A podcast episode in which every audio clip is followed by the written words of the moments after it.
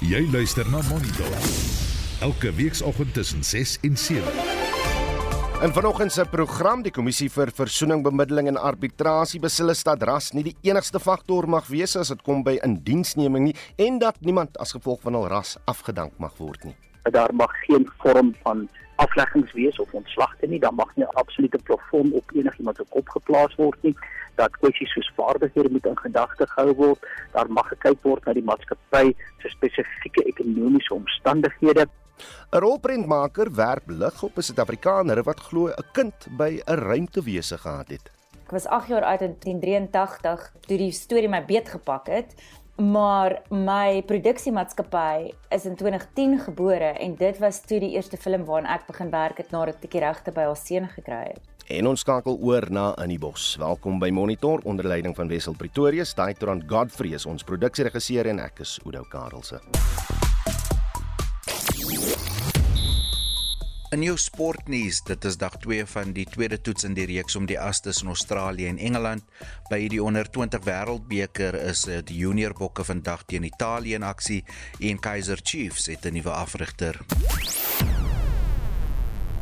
Monitor.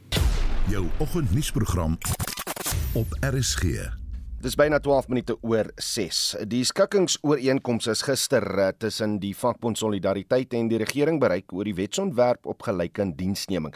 Solidariteit het die uh, dispuut teen die departement van indiensneming en arbeid by die internasionale arbeidsorganisasie aanhange gemaak om die grondwetlikheid van Suid-Afrika se swart ekonomiese bemagtiging en nuwe transformasiewette uit te daag. Solidariteit het aangevoer dat die jongste wysigings aan die wet strydig is met internasionale arbeidskonvensies en regering daarvan beskuldig dat hulle sulke konvensies sowel as die land se grondwet minag. Die kommissie vir versoening, bemiddeling en arbitrasie is deur die internasionale arbeidsorganisasie ingespan om die dispuut te fasiliteer. Die organisasie se Suid-Afrikaanse direkteur, Dr. Johnny Musabayana. Solidarity raised the dispute related to Convention 111, which is on equality and non-discrimination. The ILO received the dispute, it was receivable. And then placed before the country the possibility to get the dispute resolved at country level.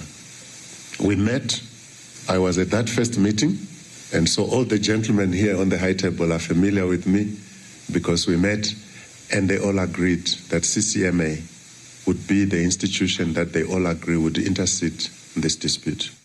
Die konsep wet op billike indiensneming het al maande lank sterk weerstand ondervind van dele van die bevolking en politieke partye. Advokaat Cameron Mogajane, die direkteur van die kommissie. We had to sit down with both parties and try to understand what the convention means and test it against our laws, particularly Employment Equity Act. And we're greatly assisted by Solidarity to explain, for example, the term nuanced approach on how we look at our dispute relating to employment equity. The issue of race. What is important, what came out of the process. While race is important, but we must balance all races as well. Arbeidsminister Tulas Nesi het so gereageer op die uitslag. The issue raised by Solidarity was the issue of race, where they felt very strongly that in terms of the employment equity, the race or the white people were being discriminated. That was a very strong uh, point which they were raising. And out of those discussions, we've been able to explain to them what we're talking about. We've been able to explain that employment equity affects those who were disadvantaged before. But it doesn't mean that the white people are going to be removed in order to create space for the disadvantaged groups. No, that would be illegal. We've been able, therefore, to go through all those clarifications and even emphasized that whatever is going to be implemented in terms of these regulations and that act must be in line with the Constitution because our own Constitution doesn't agree with discrimination. Stem daar van die arbeidsminister Tulas Nesi. Ons praat nou verder met Solidariteit se bestuurshoof Dr Dirk Herman het ons gister net so voorsmaakie gegee van die aankondiging. Hy's vandag weer terug na die aankondiging. Dirk, goeiemôre. Goeiemôre. Kom ons begin met die regulasies op indiensneming. Wat moet nou daarmee gebeur? Die regulasies moet nou aangepas word en spesifiek aan die hand van hierdie ooreenkoms.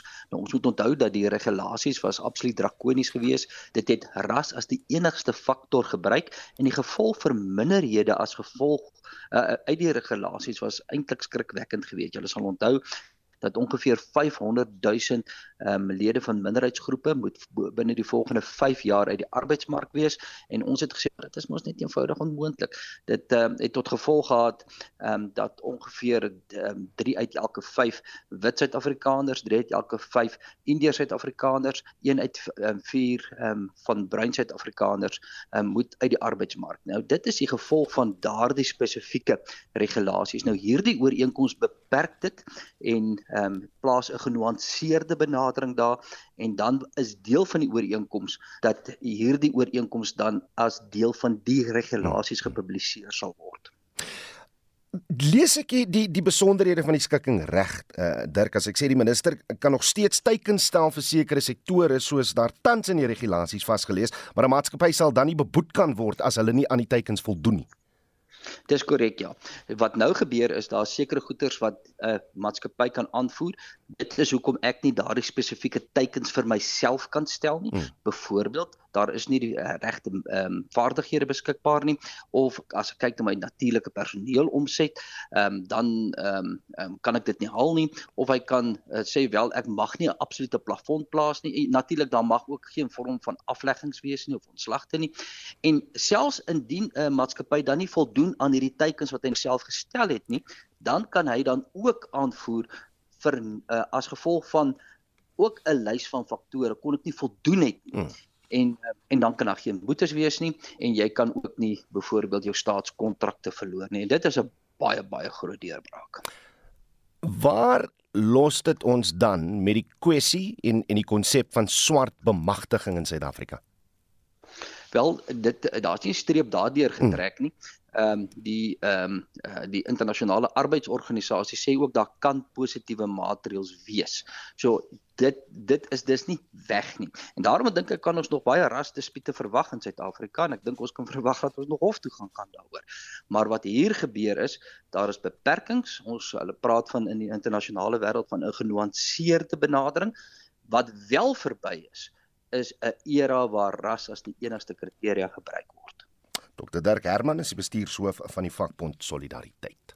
Oor 'n 14 jaar periode het geblikte leeu's 18 mense doodgebyt volgens 'n verslag deur twee navorsers, dis nou Dr Louise de Waal en Dr Kelly Marnewik, getitel Biting the Hand That Feeds You. Ons praat nou met Dr Kelly Marnewik, 'n senior dosent by die Departement Natuurbewaring aan die Tshwane Universiteit van Tegnologie hieroor. Kelly, goeiemôre. Goeiemôre. Kom ons verduidelik net eers waar staan ons wetgewing tans wat die aanhou van leeu's op plase en die jag van geblikte leeu's aanbetref. So jy het 'n permit nodig as jy 'n leeu wil aanhou um, in gevangenskap of as jy 'n leeu wil vervoer of as jy 'n leeu wil laat jag, al is hy 'n hoekgeteelde leeu of 'n wilde leeu. So ehm um, jy permitte nodig om dit te doen. As jy permit in hand het, dan is daai aktiwiteit dan weer wettig maar dit die voorvereistes van haar permitte verander tussen provinsies. Kan jy my nog hoor? Mm, ja, ek, ek, ek kan jou mooi hoor, ja. Môre. Kelly is daar. Kelly, goeiemôre. Is jy daar? Hoor? Nee, lyk like, lyk like my ons het bietjie van 'n probleem in die lyn. Kom ons probeer net weer om vir Kelly op die lyn te kry. Maar soos ek in die inleiding gesê het, oor 'n 14 jaar periode het geblikte leeu's 18 mense doodgebyt. Dis nou Kelly Marnewik, eh, Dr. Kelly Marnewik wat saam met uh, eh, Dr. Louise de Waal die navorsing gedoen het wat toon hmm. dat hierdie mense doodgebyt is met 'n uh, uh, situasies van geblikte leeu's. Kelly, is weer terug met ons? Ah, Môre. Nee, lyk like my sy kan ons nie hoor nie. Ehm um, ja, kom ons kyk net weer. Kan ons haar op die lyn kry? Kelly is hier nou met ons. Ja, allerhande probleme met die lyne weer vanoggend, maar uh, miskien okay, daar sê Kelly is hier nou met ons. Ah, wissel. nee, jammer, jammer. Ek dink ons sal maar vir 'n wyle net moet tot sien sê aan uh, dokter uh, Kelly Marnewik. Uh en as ons ons later op die lyn kan kry, sal ons terugkeer na hierdie storie toe. Nou die departement van water en sanitasie sê hy gaan 6 miljard rand bestee om die infrastruktuur en watervoorsieningsstelsel in die Oos-Kaap te verbeter. Die aankondiging is in Mtata gemaak tydens die premier se interregeringsforum. Marlenae Forsie het meer besonderhede. Die inisiatief is deur die minister van Water en Sanitasie, Senzo Mqunu, bekend gestel, iets wat die premier Oscar Mabuyane verwelkom. Die OR Tambo en Alfred Nzo munisipaliteite is van ons armste munisipaliteite in die provinsie. En hulle gaan sowat 2 miljard rand van die 6 miljard rand kry. Maar daardie munisipaliteite moet funksioneer. En dit is ons grootste uitdaging. Want elke nou en dan stort hulle eenvoudig in mekaar. Nkunu sê dit sal nie aan munisipaliteite alleen oorgelaat word nie. 'n Ander entiteit sal aangestel word behalwe wanneer munisipaliteite sonder twyfel kan bewys hulle beskik oor die relevante vermoëns. Awathathu amandla omasipala Ons het net een doel en dit is om die situasie om te draai. Dit vereis die betrokkenheid van kenners op die gebied. Dit vereis 'n hoë vlak van bestuursvernuf en die vermoë om infrastruktuur op te knap en te onderhou. Die DA se adjunkleier en lid van die wetgewer in die Oos-Kaap, Wikie Knutse, het as volg gereageer. 'n derde van die munisipaliteite in die Oos-Kaap is nie finansiëel volhoubaar op hulle eie nie. Helfte van ons distriksmunisipaliteite is reeds onder administrasie. So in terme van hoe hierdie geld spandeer gaan word, is dit vir ons 'n pluspunt om te weet dit gaan nie slegs aan hulle oorgelaat word nie, maar daar gaan definitief baie oorsig moet plaasvind in terme van wie aangestel word, wat hulle rekord is in die verlede in terme van projekte wat hulle aangepak het in die Oos-Kaap, wat is die bedrag wat per projek voorsien gaan word en hoe dit eh, spandeer word. So hoe sou julle by die DA byvoorbeeld hierdie hele proses monitor en seker maak dat die geld reg bestee word? Die een geluk wat ons het as die DA in die Ooskaap is dat ons publieke verteenwoordigers het in bykans alle munisipaliteite in die Ooskaap en natuurlik het ons verteenwoordiging op die provinsie sowel as in die parlement. Dit gaan vir die raadslede in hierdie munisipaliteite en natuurlik is ons nou nog nie seker watter munisipaliteite geoogmerk gaan word vir hierdie bydraes op watervoorsiening en op waterinfrastruktuur nie, maar dit gaan vir hulle baie belangrik wees om baie fyn dop te hou wie aangestel word op hierdie projekte, wat die projekte is, is dit prioriteite in terme van waar dit geoogmerk word. Nou sê my die enigste munisipaliteit van al 39 in die provinsie wat die vermoë het om sonder so 'n entiteit te werk, is die Kouga munisipaliteit. Nou onlangs het hulle vier watersuiweringswerke in plek gesit. Hulle het ook heelwat geld gekry in terme van die droogtevoorsieningsfonds en het boorgate ingesit daarmee. Ek dink dit is die munisipaliteit wat die meeste gedoen het in die situasie waar ons is en, en vir die luisteraars wat nie weet nie, ons het een van die ergste droogtes nog ooit op rekord vir die laaste 8 jaar in die weste kant van die provinsie. Knutse sê baie dele van die Oos-Kaap is in waterskaars gebiede geleë waar munisipaliteite sukkel om water by inwoners te kry.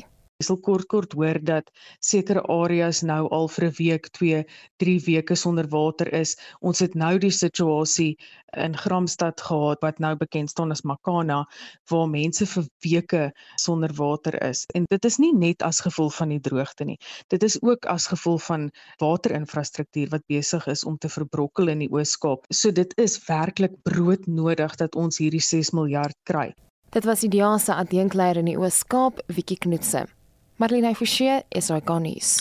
Die dodetal in die verwoestende storm en uh, in en om Durban staan op minstens 4. Swaar reën en 'n tornado het wyd verspreide skade veroorsaak. Ons praat nou met die DEA se woordvoerder vir samewerkende regering in KwaZulu-Natal, Martin Meyer. Martin, goeiemôre. Your call has been placed on hold. Ja, is een van daai oggende wat die lyne ons net onophoudelik probleme gee, maar kom ons probeer maar weer om vir Martin Meyer op die lyn te kry. Ons wil net 'n assessering hê van uh, hoe dinge staan in KZN. Martin, is jy is jy nou met ons? Ek is met julle. Ja, sy lieflik. Luister, eerstens, wat is die jongste amptelike sterfte syfer daar in KZN? Van die nuus wat ek gehoor het wat nou laat gisterand was, ehm uh, was dat daar twee mense in Durban gesterf het. Ons het nog nie gehoor van van ander areas nie. Ehm um, maar ek weet daar is tog vanmôre ook omtrent nog 11 mense uh, wat wat vermis is. Ehm um, maar ons ons hoop maar nog steeds dat hulle gevind kan word. Uh, so jy nou gesond gevind kan word. Waar is die is die ergste skade verrig? Die Google um, distrik munisipaliteit wat aan die suidkus is, dis net Port Shepstone, maak dit daai areas. Dit hulle hulle het omtrent 200 ml water in um, reën in in Friedhof gehad. Die skade daar lyk gelukkig nie te ernstig nie. Ehm um, hier by ons in eThekwini was dit veral die weste van die stad, ehm um, rondom Westville ehm um, en daai areas in Germany. Ehm um, en dan veral ook die noorde rondom Phoenix en Nanda ehm um, en en en die Nanda en Kwamashu areas wat wat swaar getref is hierdie storms. Dit dit moet uiters moeilik wees vir die mense wat in daai gebiede bly want want hulle herstel nou nog na verlede jaar se oorstromings. Nee, dit is ongelukkig die, die realiteit dat ons het nog nie volkome herstel nie. Ons weet dat die, die herstel maar baie stadig gebeur het. Baie van die infrastruktuurskade wat ons nou na hierdie week se storm sien, ehm um, is weens uh is plekke wat nog nie volkome herstel is nie, brûe wat nog heeltemal reggemaak is nie. Ek weet in Pinetown voor of ehm um, is die Stapleton brug vir ehm um, weggespoel, daai op weggespoel in die vorige storm Komas aan die suide, die brug is nog heeltemal herstel nie. Hy is nou weer weggespoel. So ongelukkig is hierdie nou maar net ehm um, weet uh ongeluk op op ongeluk ons hier in KwaZulu-Natal. Martin wat Durban se strande aanbetref, waar staan die riool situasie en is enige strande steeds gesluit? Weet ons hoop altyd die winter sou sê is die warmste plek om te wees is Durban. Maar ongelukkig weet die strande wat nou weer toegemaak het, daar's 'n paar strande toe, Westbrook, ehm um, Warner Beaches toe, Verslang daar's 'n hoofstrand is toe, Bronze Beaches toe en 'n paar ander, ehm um, weet raak dit nou ons gelukkig weer. Ehm um, ons het ook onlangs weer 'n studie gedoen oor die riviere in in KwaZulu-Natal veral in eThekwini. Ehm um, en 100% van die riviere in eThekwini bly nog steeds erg swaar besoedel. So dit is nog niks se beter nie. Dit is nog steeds 'n baie baie swak situasie en ons weet een van ons groot plekke wat aangeraak is in die storms is die ehm um, Umbilo ehm um, rioolwerke en ongelukkig het die storm hierdie hierdie week weer die pad na die rioolwerke toe weggespoel. So uh, ons weet hoe lank gaan herstel nou vat net met daai daai rioolwerke het nog steeds net op 50% kapasiteit. Dit is Martin Meyer, die DA se woordvoerder vir samewerkende regering in KwaZulu-Natal. Na 13 jaar het 'n rolprentmaker uiteindelik haar dokumentêr voltooi oor 'n Suid-Afrikaanse vrou wat glo 'n kind by 'n ruimtewese verwek het. Uga Carlini is al van tevore bekroon vir haar werk as regisseur van die fliek Angelina en die dokumentêr Allison. Nou maak haar dokumentêr oor Elizabeth Klarer, Beyond the Light Barrier, uiteindelik sy buiging by die Encounters rolprentfees. Anne Marie Jansen van Vieren wou by Carlini weet hoekom dit so lank geneem het om die fliek te maak. die aliens het gebeur. Ja, ek dink ek was 'n twinkle eye naïewe groen filmmaker wat gedink het om vir die wêreld te sê dat daar's hierdie supercool storie van 'n vrou wat 'n scientist was, wat 'n boyfriend gehad het, maar hy was van 'n ander planeet. En toe gaan sy bietjie so intoe en sy kry lekker inligting en sy bring dit bietjie terug en sy kom sommer met sy baba terug. Well, die baba het nie regtig teruggekom nie, but she had his baby. Ja, dit was 'n bietjie dik vir 'n daalder vir meeste mense as 'n non-fiction. so it took a while. En toe maak ek twee ander films in between that. Ek het Allison gemaak, dokumentêr as ook Angelina, 'n fiksie. Ja, en ek is baie dankbaar dit so uitgewerk want oor dit so lank gevat het, het ek net soveel goed uitgevind. Elke keer as ek dink hierdie rollercoaster kan nie erger wees nie of maller wees of vinniger wees of stadiger wees nie, dan vat dit my weer met 'n groot verrassing van vooraf en ons vind weer iets uit en iemand sê uiteindelik weer iets wat hulle nie voorheen kon sê nie, hulle die die guts om dit te sê. So dit dit is 'n absolute skattejag gewees en ek dink nie hierdie skattejag is verby nie. Ek dink dis soos die tip van die ysberg hierdie. Elizabeth Klarer waaroor die dokumentêr gaan is al in 1994 dood. So as 'n dokumentêre rolprentmaker, hoe maak jy 'n fliek oor iemand wat al klaar oorlede is? Wel, daar's natuurlik baie mense wat haar geken het. Haar seun van Aarde, nou nie die een wat sy sê is van daar nie, is nog hier. Familielede, vriende, die wat glo, die wat nie glo nie. Mense wat op boek glo, mense wat die wetenskap kan verduidelik, maar meer is dit. en baie belangrik, Elizabeth Klarer haarself, want Frank Myburg van Digital Film in Johannesburg het destyds vir ons al sy footage gegee van die enigste in-depth interview wat ooit met Elizabeth Klarer geskied was. Hy het daai tyd toe 'n dokumentêre insetsel gemaak vir Mnet in iewers in Engeland. Dit was onder 'n uur gewees, maar al daai footage, die B-roll, hulle het hom met 'n helikopter opgevat Drakensberge toe, het hy vir my gegee. En so kon ek dat sy in haar eie woorde en haar eie manier haar punt van die storie stel, terwyl al hierdie ander mense in hedendaagse tyd saamstem of ook nie saamstem nie. Daar's 'n goeie kombinasie van al daai elemente. En jy sê jy het nou self op 'n reis gegaan met hierdie dokumentêr wat jy gemaak het. Hoe lank het dit jou geneem om trend op die ou end nou vandat jy die eerste keer die glinster in jou oog gehad het?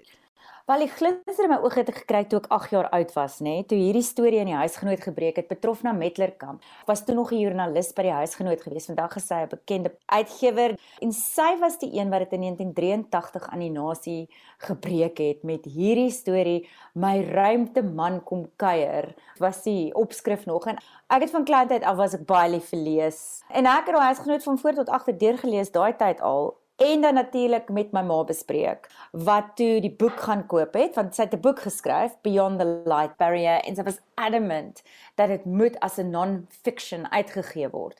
So sy het baie daarmee gesukkel en toe kry sy 'n groot uitgewersdeal in Duitsland en toe skrik die wêreld wakker. En toe in 2010, toe my produksiemaatskappy gebore is, was dit die eerste projek wat ek die regte voorgekry het by haar seun en en aan begin werk het jy het nou met baie mense gepraat. So ek is nou nuuskierig. Na dese glo jy self in ruimtewesens? Um, hm. Luister. Hoe ek dit sien. Ek is al steeds besig om hierdie storie te prosesseer. Daar's soveel leuns en waarheid en miskiens en nie miskiens. Dit is so konkoksie en kombinasie van enige iets wat moontlik is. Ek dink ons sal arrogant wees om te dink dat ons planeet met ons mensies op, as jy opkyk in die aande en daai sterre sien, is die enigste form of life out there. Hoe sal ons weet? Ons het nog nie eers ver genoeg gaan verken nie. So ek dink enigiets is moontlik. Maar ek hoop nie dis Akon haar boyfriend nie. Kus ek gou nie baie van hom nie. Ek dink nie hy is so great nie. Dit was die rolprentmaker Oge Carlini en sy daar met ons Anne Marie Jansen van Vieren gesels.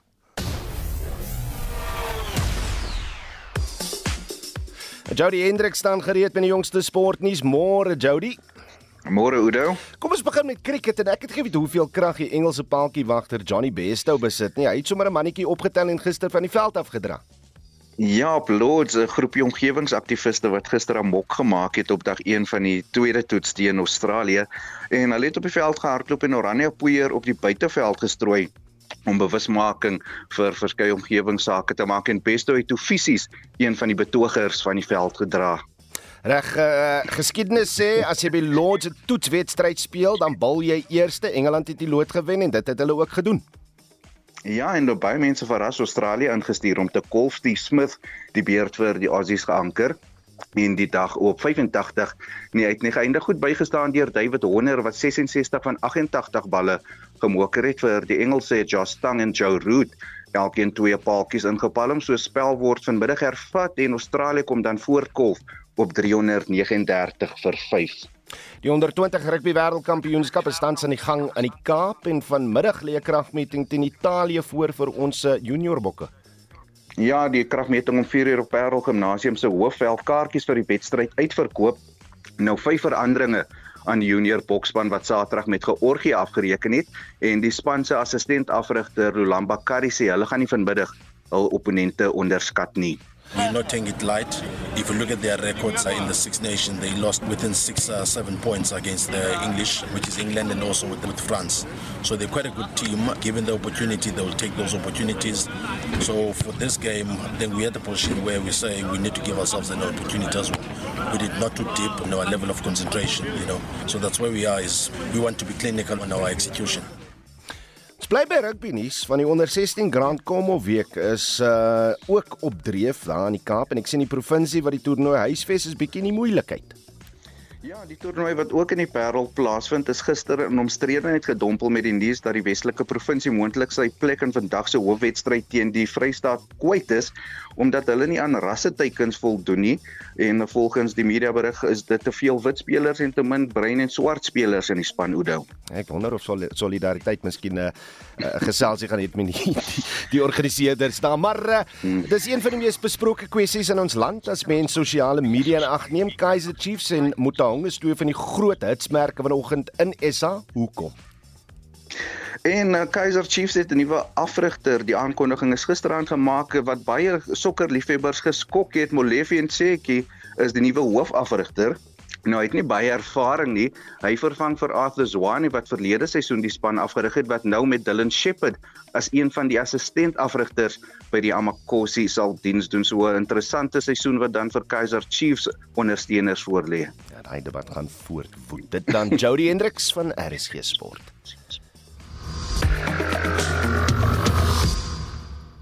Jy luister na Monitor. Elke weekoggend tussen 6 en 7. Reg nou die Innibos Laaveld Nasionale Kunstefees begin vandag in Nelspruit en ons hier in die ateljee in Auckland Park wil bietjie eensaam want ons het 'n massiewe span so toe gestuur en ons skakel nou oor na hulle. So kom ons uh, sê goeiemôre vir die Sia Kollisie van hy span. Susan Paxton. Hallo. Ek dink ek koop nie verwys na my gewig nie as jy praat van 'n massiewe span nie. Of beserings nie. Ja. Glad. Nie. glad nie. Het 'n het 'n knie, ek het 'n enkel. Uh, dankie Oudo. Ja, julle kan uh, baie spyt wees julle is nie hier nie. Dit is baie warmer hierso in die Laagveld as daar by julle, hoor ek. Het bietjie gereën hier gisteraand, maar ek dink dit gaan die fees gevoel demp nie. En uh, ons saai uit vanaf Mbombela vanoggend waar die in die bosfees plaasvind van vandag af, maar daar's 'n aantal brandende kwessies in Mpumalanga wat aandag behoort te geniet, soos vervalle hospitale, gebrekkige padinfrastruktuur, sinkgate, slaggate en korrupsie. Maar dit wil voorkom asof die ANC regering in die provinsie voete sleep en Annelien Moses berig.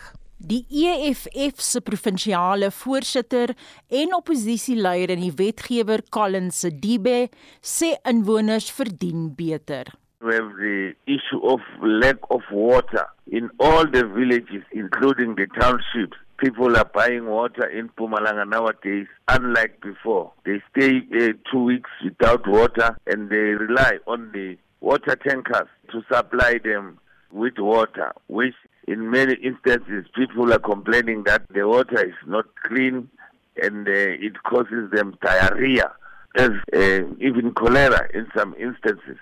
Sê Dibe sê burgers moet mooi dink wanneer hulle volgende jaar hulle kruisies trek.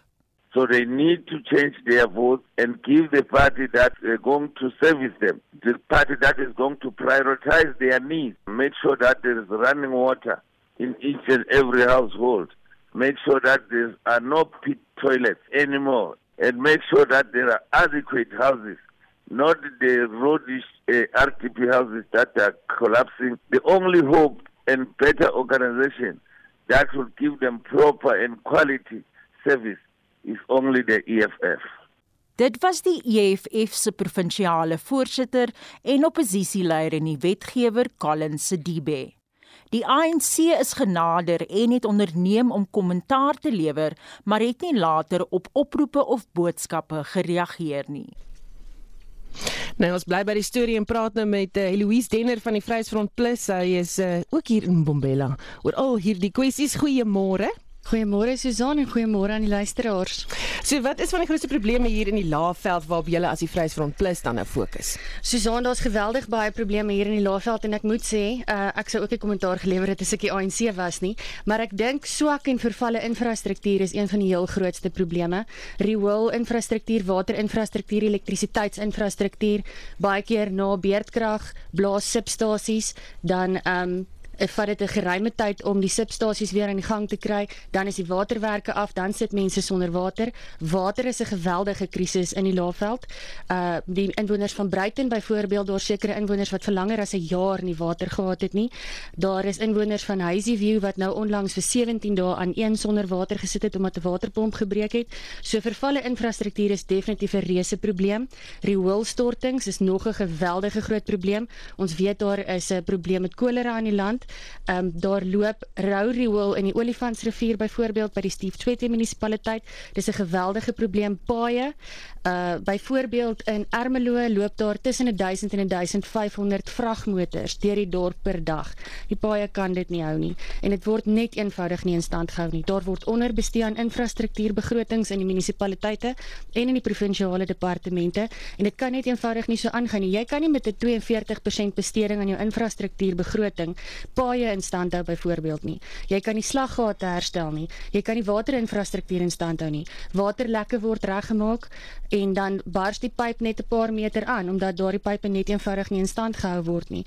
En dit stuur op 'n krisis af waar ons infrastruktuur totaal en al ineen gaan stort en dan gaan ons dit van voor af moet bou en dit is dit is wat ons nou in die gesig staar. Mm. As ons praat van daardie paaie, ehm, dis soos die N2 John Ross, hy gaan deur Richards Bay toe al daai vragmotors. Wat doen dit aan die um, ekonomie van daai klein dorpies? Kyk, die ekonomie van daai klein dorpies, ehm um, lei daaronder omdat mense dit onbegaanbaar raak, die paai raak onbegaanbaar. Ja, daar is 'n informele ekonomie wat rondom die vragmotors ontstaan, maar dis nie altyd 'n gewenste ekonomie nie, nê. So daardie klein dorpies sukkel byvoorbeeld, um, ek dink is die R536 tussen Hazyview en Sabie. Daar was 'n sinkgat gewees, um, en 'n rotsstorting en daardie pad is net eenvoudig nie herstel nie. Daardie pad is al maande so en ons weet wat doen dit vir die toerisme. Uh, daar nou onlangs Franse toeriste verdwaal in die bos in die nag omdat hulle GPS hulle reroute het verskoon my Engels en um, dit is omdat die paaie nie in stand gehou word nie. So op die ou einde van die dag lei die hele provinsie en veral die toerisme sektor wat 'n baie groot inkomste inspuiting vir die provinsie is onder hierdie swak infrastruktuur en die ANC se onvermoë om net eenvoudig behoorlike bestuur en besteding toe te pas. Praat julle oor hierdie goeders as jy byvoorbeeld in die wetgewer sit? Ja, korrek. Ons praat daaroor. Ons praat ook daaroor in die munisipaliteite. 'n Groot probleem is dat daar net eenvoudig nie behoorlike bestuur en regering in munisipaliteite is nie. Daar's byvoorbeeld in die Mbombela munisipaliteit 496 raadsbesluite wat net eenvoudig nie uitgevoer word nie. Nou 'n raad is veronderstel om oorsig te doen en 'n raad het 'n sekere um 'n verantwoordbaarheid en 'n verantwoordelikheid om munisipale bestuur toe te pas en oor te sien en as raadsbesluite nie uitgevoer word nie, is dit 'n reuse probleem. Hm. Goed, ons is nou hier in Mbombela, dis nou die hoofstad van die Love Health van Mpumalanga. Uh, hier spesifiek in die hoofstad, wat wil julle verander? Wel, in die hoofstad, ehm um, soos ek nou genoem het, die raadsbesluite moet geïmplementeer word. Waterinfrastruktuur moet nou gekyk word, paaie infrastruktuur moet nou gekyk word um behoorlike munisipale bestuur moet nou gekyk word en dan is daar 'n geweldige probleem en ek dink dit is net hier nie ek dink dit is die hele provinsie deur met vandalisme van veral elektrisiteitsinfrastruktuur. Ons kan dit net eenvoudig nie bekostig nie. Ons mense sit al vir ure op 'n dag sonder elektrisiteit as gevolg van beerdkrag. Vandalisme van substasies en kabeldiefstal is 'n reuse probleem en daarna gaan gekyk moet word. Daar word sake gemaak by die polisie of daar word nie sake gemaak nie. Dit is dis 'n geweldige probleem of die sake word nie ernstig opgeneem nie of dit word nie ondersoek nie of dit word nie met erns hanteer deur die munisipale bestuur nie en daarna moet definitief gekyk word. Hmm. Kom ons praat gou weer oor die watersake waarvan jy genoem het nou gesien spesifiek daar in Gauteng wat gebeur het. Ehm um, en ons het vanoggend gery en gewonder want ons kom van Gauteng af. Uh sou mens die water kon drink hier uit hierdie krane uit. Nou noem jy al hierdie dinge. So hoe veilig is die water en en wat moet ehm um, jy weet mense weet oor dit? Ek sou nie die water gedrink het nie. Die onlangse blou druppel verslag oor verskeie munisipaliteite hier in Mpumalanga is geweldig negatief.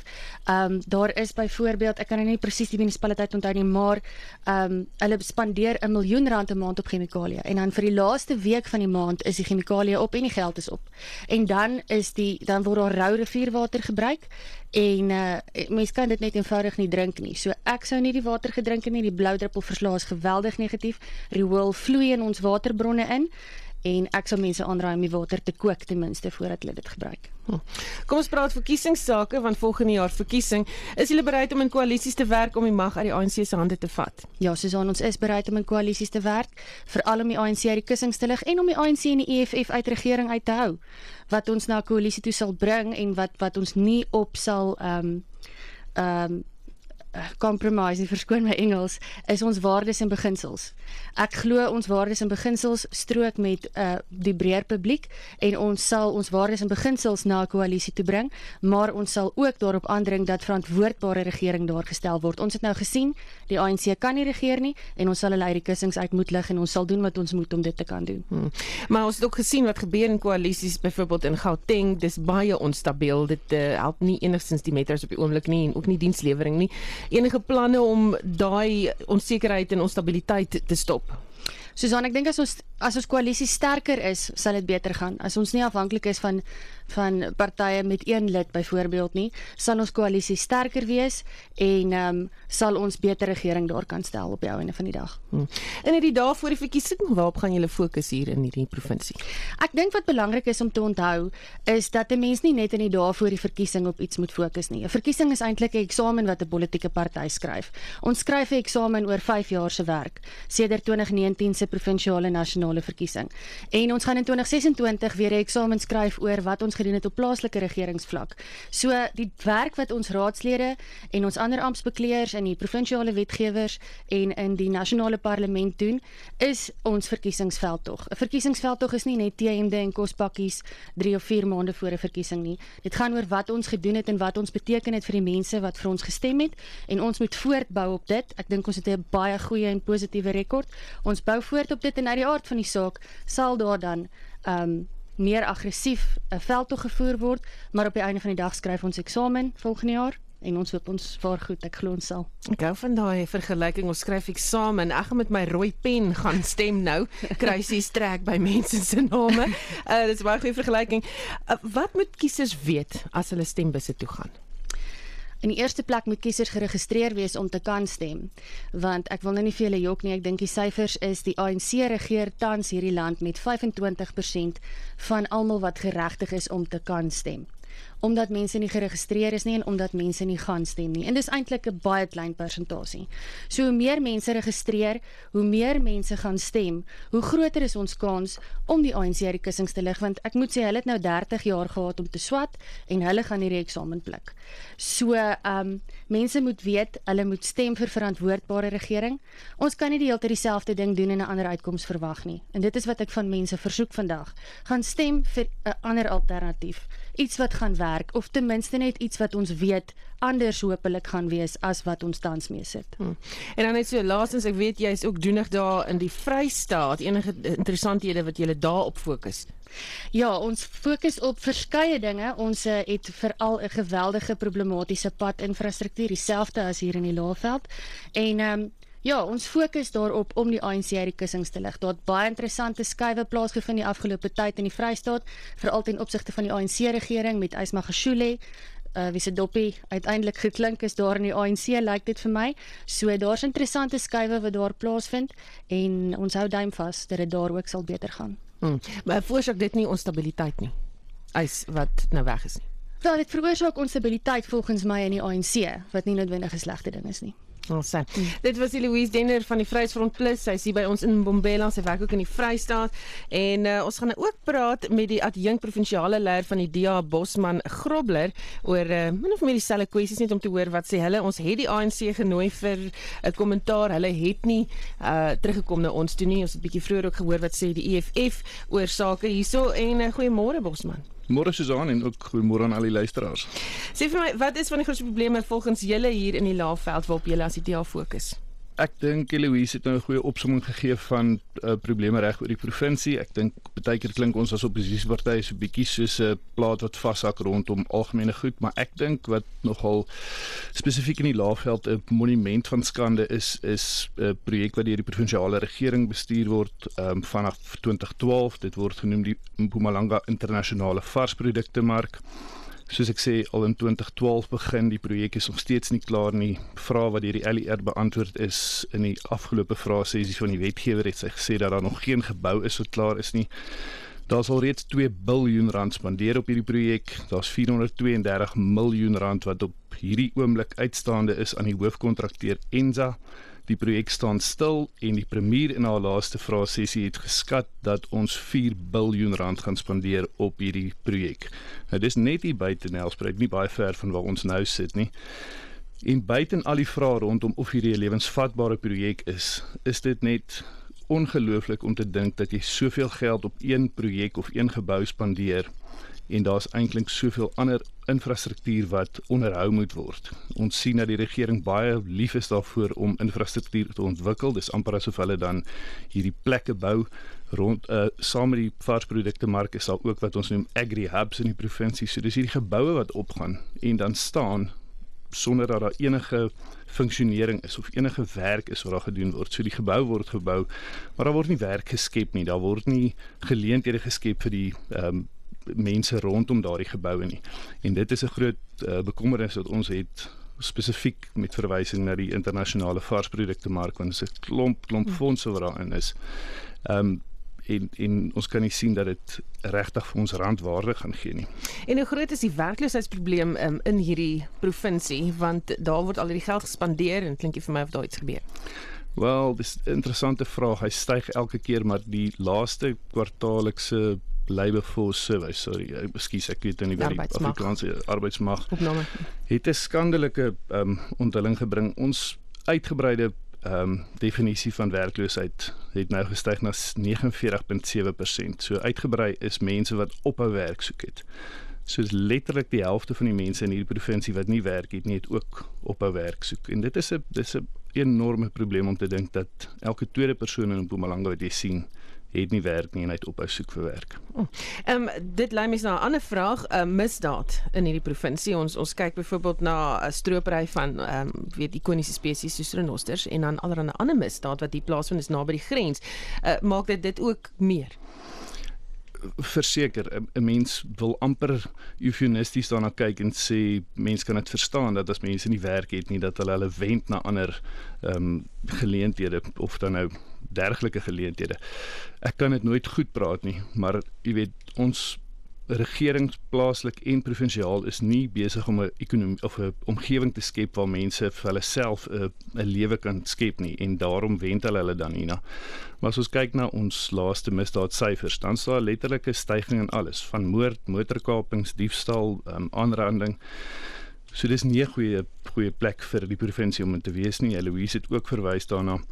Ehm um, die feit dat dat mense regtig desperaat raak net om aan die lewe te bly is 'n is 'n enorme probleem. Ons het vinnig gepraat ook vroeër voordat ons begin het. Dis dis 'n baie gevaarlike plek om in die aande in die provinsie te ry. Ons sien op die N4 wat die wat die uh, weg is na Gauteng, uh, hierdie um, jy weet spikings wat wat gedoen word. Ons sien dit al hoe meer en is regtig bekommernis. En dit is baie sleg as 'n mens jou tyd moet spandeer of jou fondse moet spandeer om jouself veilig te hou en jou familie veilig te hou in plaas daarvan om te fokus om op a, om 'n om 'n lewe te maak en om geleenthede vir jouself en vir ander te skep.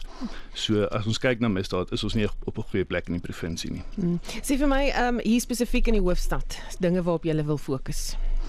Wel, ek dink ons kan ons kan baie probleme uitwys Susan, maar ek dink daar is soveel as ons kyk na die positiewe en as ons kyk na geleenthede skep, is daar soveel positiewe goed in Mpumalanga. Ons weet um, Mpumalanga die Hoëveld en die Laagveld en waar ons nou is is die Laagveld. In my opinie een van die mooiste plekke in die land. En werklik ware plek wat jy toeriste heen kan lok.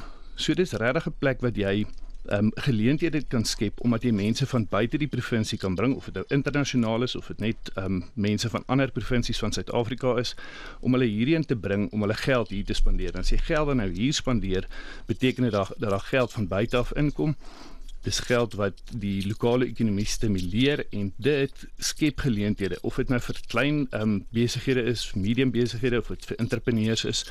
So ons sal regtig waar wil fokus op geleenthede skep. En om dit te kan doen, Heloise het lank gepraat oor die padinfrastruktuur, maar dis belangrik dat mense hier kan kom. Daar moet goeie dienste wees. Ons kan praat oor um, beerdkrag wat dit moeilik maak vir besighede om oop te maak, maar buiten vir dit moet mense ook veilig wees. As jy in 'n veilige omgewing is as 'n toerist, dan kan jy ontspan en jy kan en jy sal weer terugkom. So as ons kyk na die uh plekke rondom uh, rondom Mbombela wat werklik waar ongelooflike mooi plekke is om te sien. Ek dink net by Barberton aan die uh Barberton se wêrelderfenisgebied wat reeds verklaar is, maar op hierdie stadium vir ons geen ekonom ekonomiese stimulasie bring nie want die provinsiale regering hak vas by 'n entiteit wat hy wil hê hierdie plek moet bedryf, maar hierdie entiteit kan nie eens ander uh, oorde wat in die verlede suksesvol was soos die bron wat nou in Tabiseni is. Hulle kan nie eers daai oorde bestuur nie. Nou wil die provinsiale regering die erfenisgebied deur hulle bestuur word. So ons moet kyk na implementeringsagente wat 'n wat 'n sukses kan maak van ehm um, jy weet om om geleenthede te skep. Ja, is 'n interessante punt wat jy maak want ehm um, ek wou nou vir jou gevra het jy het nou genoem jy uh, weet oppositie klink baie keer soos 'n plant wat oor en oor speel. Ehm um, maar wat kan julle werklik doen om al hierdie probleme te stop? Ek dink die antwoord op daai is redelik eenvoudig en dit is dat die regering wat nie kan implementeer nie, moenie beheer van alles probeer vat nie. Ons moet dit uitkontrakteer. Ons moet met die privaat sektor praat wat kan implementeer of dit nou is om by paaie bou en of dit nou is by ekonomiese geleenthede skep, maar die regering moet van die fondse laat gaan want dit is in elk geval die publiek se fondse want dit is die publiek wat die regering befonds en die die regering moet dan vir die privaat sektor die geleentheid gee om geleenthede te skep. Dis vir my so in die dae voor die verkiesing waarop gaan julle fokus? Ek dink op die ou einde is ons uh, ook al vir 'n vir 'n uh, baie lank tydperk besig om ons grondstrukture te bou. So ons het ehm um, takke, ons het raadslede in elke provinsie, ag in elke munisipaliteit in die in die provinsie ons ehm um, strukture werk werk werk werklik hard daaraan om op die grond te wees en stemme te werf. Ek dink wat vir ons ook belangrik is is om lede te kry om stemstasies te gaan beman sodat daar nie korrupsie in die verkiesing is nie. So ons werk baie hard om getalle te bou om ons te help om 'n ehm um, toerekenbare verkiesing te hê uh, volgende jaar. Het jy vinnig wat moet kiesers weet as hulle stembusse toe gaan? Wel, ek dink dit is gesê, dis tyd dat ons Suid-Afrika red. Is ons dit te lank los gaan daar niks oor wees in Suid-Afrika om te red nie. Dis tyd vir ehm um, om vir partye te stem wat 'n uh, goeie ehm um, rekord het van van dienslewering, 'n goeie rekord het van regering en om om werklik waar te besef dat jou stem 'n verskil maak. Baie van die ANC kiesers is ook reeds facefoes en as mense wat geaffilieer is met ons gaan stem, dan ehm um, gaan dit 'n verskil maak volgende jaar. Baie dankie dat julle so vroeg hier was. Dit was die adjunk provinsiale leier van die DA Bosman Grobler en daarmee groet ons vir eers hier uit Mbombela. Onthou om by die Wingerkuiertuin 'n draai te maak vanmiddag vir Spectrum, die hele program regstreeks vandaan, dis by die Hoërskool Bergvlam. Ons praat met Sandra Prinsloo, ons is 'n gaskunstenaar en ons praat oor renosterwesies en roofdierbestuur en ook oor die jongste nuus van die dag regstreeks hier van in die bos in Mbombela af. Die span hier is redakteur Jamie Verhoef op sosiale media Annelien Moses. Ons klankregisseur Johan Waldek en in Johannesburg die redakteur Wessel Pretorius. Ons klankregisseur Daiter en Godfrey Udel Karelse was daar agter die mikrofoon. My naam is Susan Paxton. Bly geskakel op RSG.